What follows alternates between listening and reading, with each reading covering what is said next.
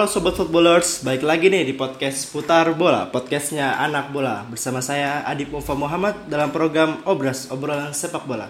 Oke Sobat Footballers, di episode sebelumnya kita kan ngebahas nih klub-klub favorit versi seputar bola.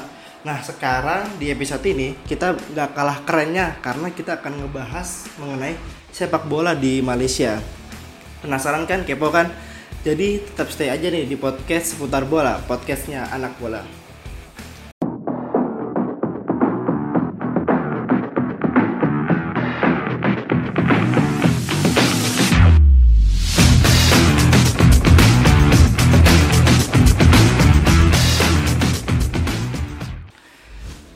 sobat footballers, di episode sebelumnya saya kan sendirian nih. Tapi sekarang saya ditemani nih sama teman saya dari kecil yang sekarang sudah beda kampus yaitu di Malaysia. Jadi kita langsung panggilin aja nih. Muhammad Dapanizar. Halo Dap. Halo di Gila udah udah lama banget ya kita kagak ngobrol-ngobrol lagi nih, baru ngobrol lagi sekarang nih. Iya juga lama karena kita udah sibuk uh, dengan kegiatan masing-masing, kuliah juga udah bisa jauh, jadi ya akhirnya kesempatan sekarang ini bisa kayak gini. Dap, BTW kita ngomongnya apa nih? Pakai aneh aja kali ya? Yang bahas, biasa kita ngomong. Boleh ya? Boleh, boleh. Oke, siap-siap. nih, kan ente suka banget nih yang namanya sepak bola. Sebenarnya sih apa sih sebenarnya yang awal kayak motivasi ente buat suka sepak bola tuh dari awalnya dari gimana tuh? Di awalnya suka bola gara-gara panen di jadi dari kecil emang udah banget diajakin lapangan bola ikut bokapane main bola tim bokapane main bola sambil di pinggir sambil anak kecil kan di pinggir lapangan dangkal bola iseng-iseng aja gitu. Lapangan Iya, dari kecil kan dulu masih inget banget Dap, kita SD main bareng kan bareng latihan sama Bapak Ente tuh. iya karena itu juga sih apa apa kan yang suka bola banget terus ada ya ada harapan buat anaknya juga suka main bola gitu Iya, siap-siap.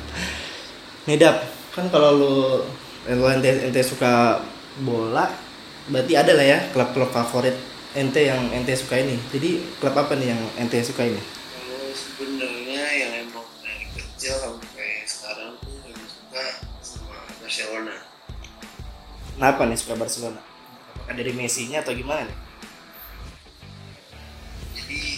Sebenarnya bukan misinya aja sih. Jadi dulu pas pertama kali lihat film uh, uh, football match itu sama bokapnya pertama kali itu lupa Barcelona lawan siapa. Tapi pas ngeliat Barcelona tahun itu dengan pemain-pemainnya Ronaldinho, Iniesta, Xavi lihat cara permainan Barcelona waktu itu muslim gitu beda sama tim-tim lain positioningnya lihat apa menguasai pertandingan itu dengan uh, masing-masing terus Kita kayak Dap ya? wah ini seni banget nih gitu seni banget main bolanya gitu nggak ngasal gitu Iya, iya benar. benar. Nih, Dap, eh, kalau ente kan pernah nih SSB di, di Indonesia, terus ngerasain tuh gimana sih sepak bola di Indonesia. Nah, kalau ngebandingin nih sama sekarang ente di Malaysia kan kayaknya betapa tuh di Malaysia. Bedanya apa sih Dap kalau boleh tahu nih? misalnya masalah SSB di Indonesia itu ya, hanya ada beberapa SSB yang dan itu pun masih kalah jauh kualitasnya dari fasilitas pelatih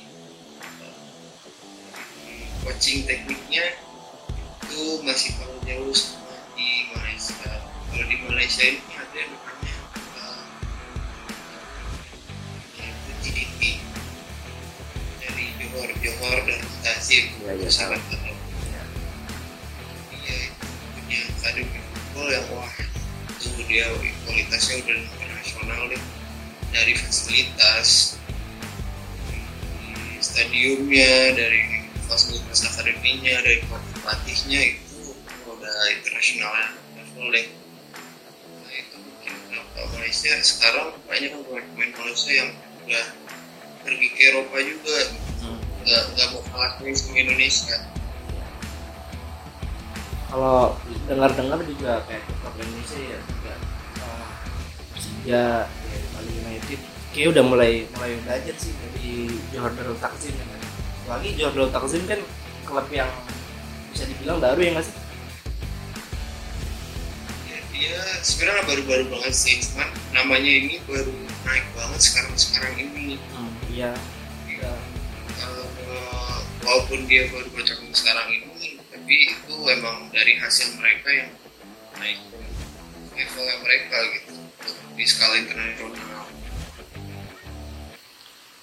Kalau ngebandingin nih Dap, antara sepak bola di Indonesia sama di Malaysia. Apa sih yang uh, PSSI bisa belajar nih dari Malaysia dari timnasnya gitu atau dari klub-klub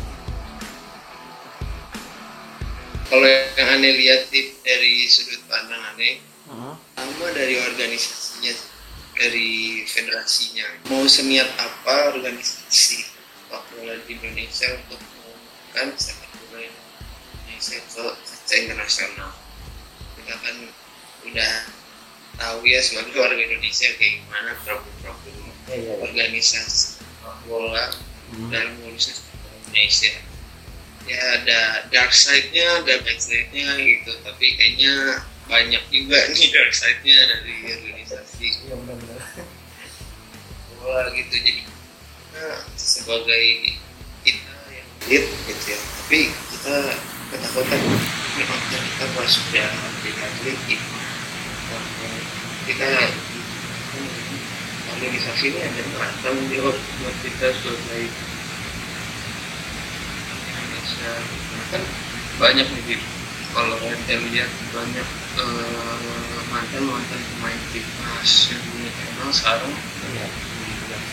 Nah, nggak dihargai tahu hidupnya itu makanya banyak orang tua bilang sekarang kalau ke anak-anak tuh jangan mau jadi atlet di Indonesia. Nah, jadi itu eh, nggak jelas kelanjutan kehidupan yang eh, untuk yang akan datang gitu. Jadi kan ada stereotip yang bikin kita sebagai anak muda nih wah takut nih mau jadi di Indonesia mulai dari itu ada regenerasi lagi gimana nasib ke depannya gitu. Kan Ya kalau kan ente ini udah setahun lebih ya di Malaysia. Terus apa namanya udah tau lah ya maksudnya eh, sepak bola Malaysia nah. kalau pada saat itu kan sekarang kan kayak update lah di kampus ya. Update apa namanya sepak bola anak futsal kan itu kan alhamdulillah kan ente kan dulu kan pernah kan kayak eh, ikutin di Pokari gitu gitu kan. Nah kalau dari segi turnamen Dep Malaysia sama di Indonesia beda nggak sih sistemnya? Apa dari fasilitas atau dari lainnya? Masalah turnamen ya tipe sebenarnya turnamen di Indonesia lebih banyak kayak ini daripada di Malaysia. Kalau di Malaysia ini turnamen buat bola atau futsal itu yang paling loh ya di Indonesia ada Pokari, ada Hidropopo, ada Specs, ada eh, kalau salah jarum Euro Futsal itu buat klub-klub eh, klub-klub fans. Eh, jadi ada dari fans-fans klub Eropa, Eropa yang ada di Indonesia kayak ada Milan atau atau terus dari semua klub yang ada di Indonesia itu fans-fansnya tanding futsal buat nanti diterbangin ke Eropa. Jadi tuh eh, euforia di Indonesia turnamen sebenarnya lebih hype banget. Ya dari penon- penontonnya dia lebih benar-benar fanatik banget ya kalau di. Indonesia dari penonton dari wadahnya itu sebenarnya udah banyak sih sampai ke mahasiswa pun kan udah ada kayak liga mahasiswa gitu Iya. kan beda tapi kalau dari turnamen kan misalnya nanti bisa ngeliat lah misalnya kayak skill orang Malaysia yang sekarang ngerasain sama skill orang Indonesia itu sebenarnya eh, kalau ente bandingin nih buat skillnya sendiri kayak pemainnya dia ke mana sih Ada lihat kalau di sepak bola Indonesia tuh lebih di atas sedikit Indonesia. Ini dari sudut pandangannya ya Iya, iya. kalau di sepak bola. pengalaman ya Ya karena kalau kita ngeliat di Malaysia tuh ya kita tahu lah berapa kali Indonesia ke Malaysia sih. iya iya Di ajang-ajang turnamen di Asia Tenggara, di Asia selalu kalah sama Malaysia sepak bola. Tapi kalau misalnya di futsal, kalau anda lihat Indonesia tuh di atas Malaysia. Kenapa? Soalnya karena anda lihat di sini, karena anda terjun di sini lebih futsal di Malaysia. Ya, di Malaysia ini telat banget futsalnya ya Indonesia tuh lebih kenal futsal duluan dibandingkan Malaysia jadi kenapa kalau anak-anak anak-anak Indonesia itu dari umur muda tuh bukan futsal udah jago banget deh. Udah tahu dari tekniknya strateginya cara mainnya rotasi segala macam tentang futsal tuh anak-anak di Indonesia anak-anak di Indonesia tuh duluan dibandingkan sama Malaysia gitu. Terus Dap, kalau lihat nanti kan katanya kan di di klub di Malaysia itu kan di eh, sepak bola atau futsal kan nanti ini ya sebenarnya anak anak anak orang Indonesia sendiri gitu. Nah rasanya gimana sih Dap sama interaksi sama orang-orang Malaysia ini gitu saat ente sendirian gitu ya orang dari orang, orang Indonesia. Awalnya nih sebenarnya sebelum ada ke tim kampus tim inti kampus jadi ada senior ada duluan yang udah masuk duluan. Dan itu juga posisinya sama sebagai orang Indonesia satu-satunya yang emang bisa tembus ke sana gitu. Aneh juga ya alhamdulillah punya senior yang baik gitu yang mau ngajarin nanti gitu. Jadi briefing jadi kayak gini kalau misalnya eh, cara buat merek nyatu kita nyatu sama orang-orang Malaysia orang-orang lokal kayak gini culture mereka kayak gini cara main mereka kayak gini. Pas ada udah masuk tim pun juga oh, udah tahu nih ternyata orang Malaysia tuh culture kayak gini mereka futsal kayak gini attitude mereka tuh kayak gini kayak gitu. Kalau dari apa namanya ada juga awalnya sebelum masuk di kampus juga sering main di kayak liga internal kampus atau sering main sore-sore gitu bareng-bareng gitu kan ya main-main biasa sore-sore. Jadi emang ada ada beberapa yang kenal gitu dalam tim. Tapi kalau dari kayak apa ya attitude cara bermain terus kayak mungkin kalau Indonesia kan terkenal ramah-ramahnya. Nah, kalau orang Malaysia tuh cara memperlakukan orang Indonesia tuh di sana tuh gimana sih kan kita tahu nih apa eh, kayak perseteruan lah orang Indonesia sama orang Malaysia gimana nah, tapi pada faktanya nih Dap, eh, di sana tuh nanti ngerasainnya gimana tuh sama orang-orang Malaysia di sana? Sebenarnya enggak enggak seburuk apa yang kita pikirkan ya pas pas para yang kita lihat di media ya Indonesia tuh di dimanain lah sama Malaysia di Malaysia gitu. Nah, Enggak iya, kok. Mereka juga sebagian dari mereka ada yang merespek, ada yang merespek kita karena kita sebangsa Melayu. Ada yang merespek kita karena ya sesama manusia juga gitu.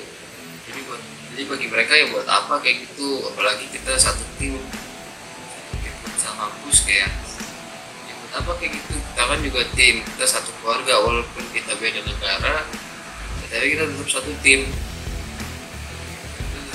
Satu keluarga nih di futsal nanti buat apa kayak gitu? Malah bukan nyatu jadi buat malah buat pecah jadi rusak tim kayak gitu.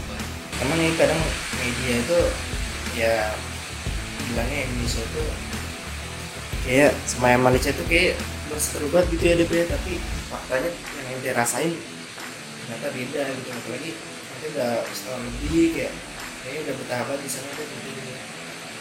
Terus wajib sebenarnya apa sih Dap yang kayak eh, ngebedain kehidupan di Malaysia Dap yang bikin ente itu bertahabat kayak dari segi kehidupan?